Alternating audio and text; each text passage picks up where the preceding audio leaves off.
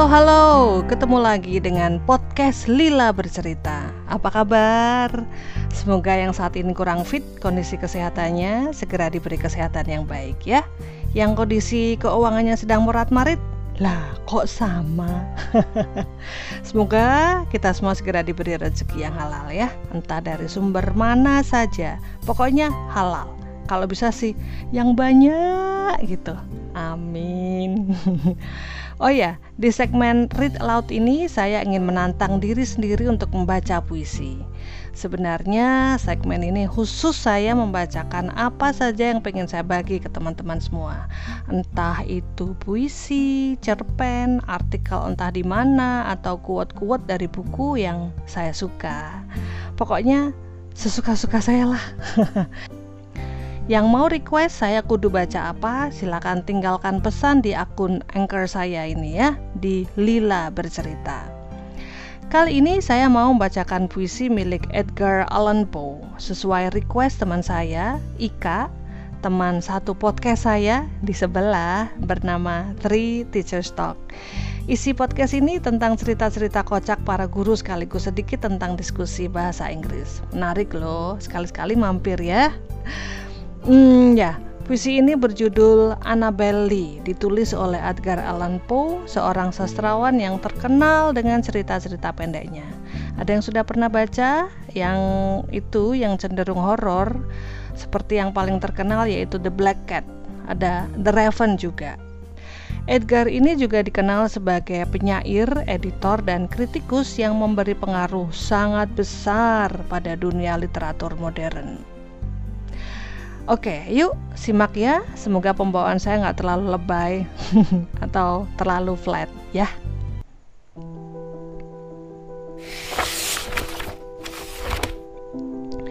Annabelle Lee by Edgar Allan Poe. It was many and many a year ago in a kingdom by the sea that a maiden there lived whom you may know by the name of Annabelle Lee. And this maiden, she lived with no other thought than to love and be loved by me. I was a child, and she was a child in this kingdom by the sea.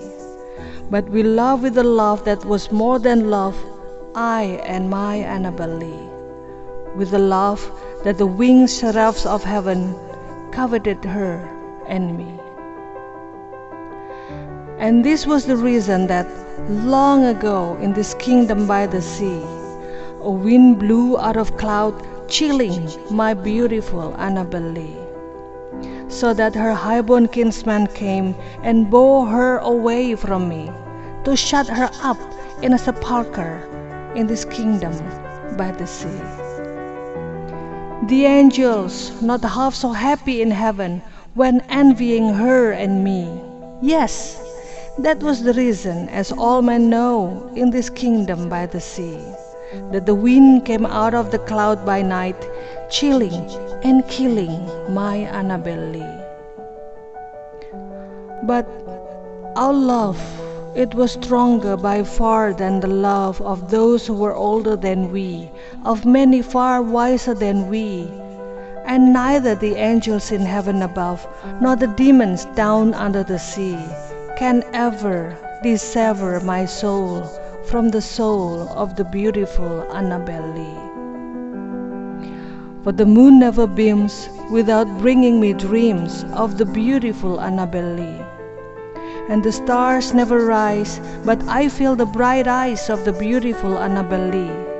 And so, all the night tides, I lie down by the side of my darling, my darling, my life and my bride, in her sepulchre there by the sea, in her tomb by the sounding sea.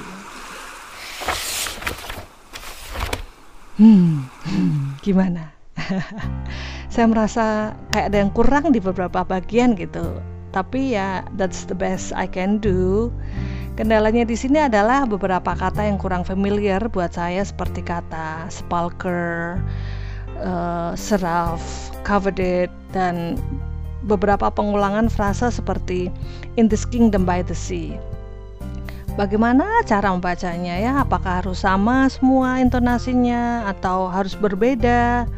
Saya coba simak puisi ini di YouTube yang membaca penutur asli, jadi bisa merinding disco gitu waktu dengerinnya. Kalau tadi kalian ada yang merinding, berarti haha, saya cukup berhasil bacanya ya. Tapi kalau enggak sama sekali, berarti saya harus berusaha lebih keras lagi. Jangan lupa kasih komen ya. Oke, terima kasih sudah mendengarkan. Jangan lupa segmen Read Aloud ini hadir setiap hari Kamis.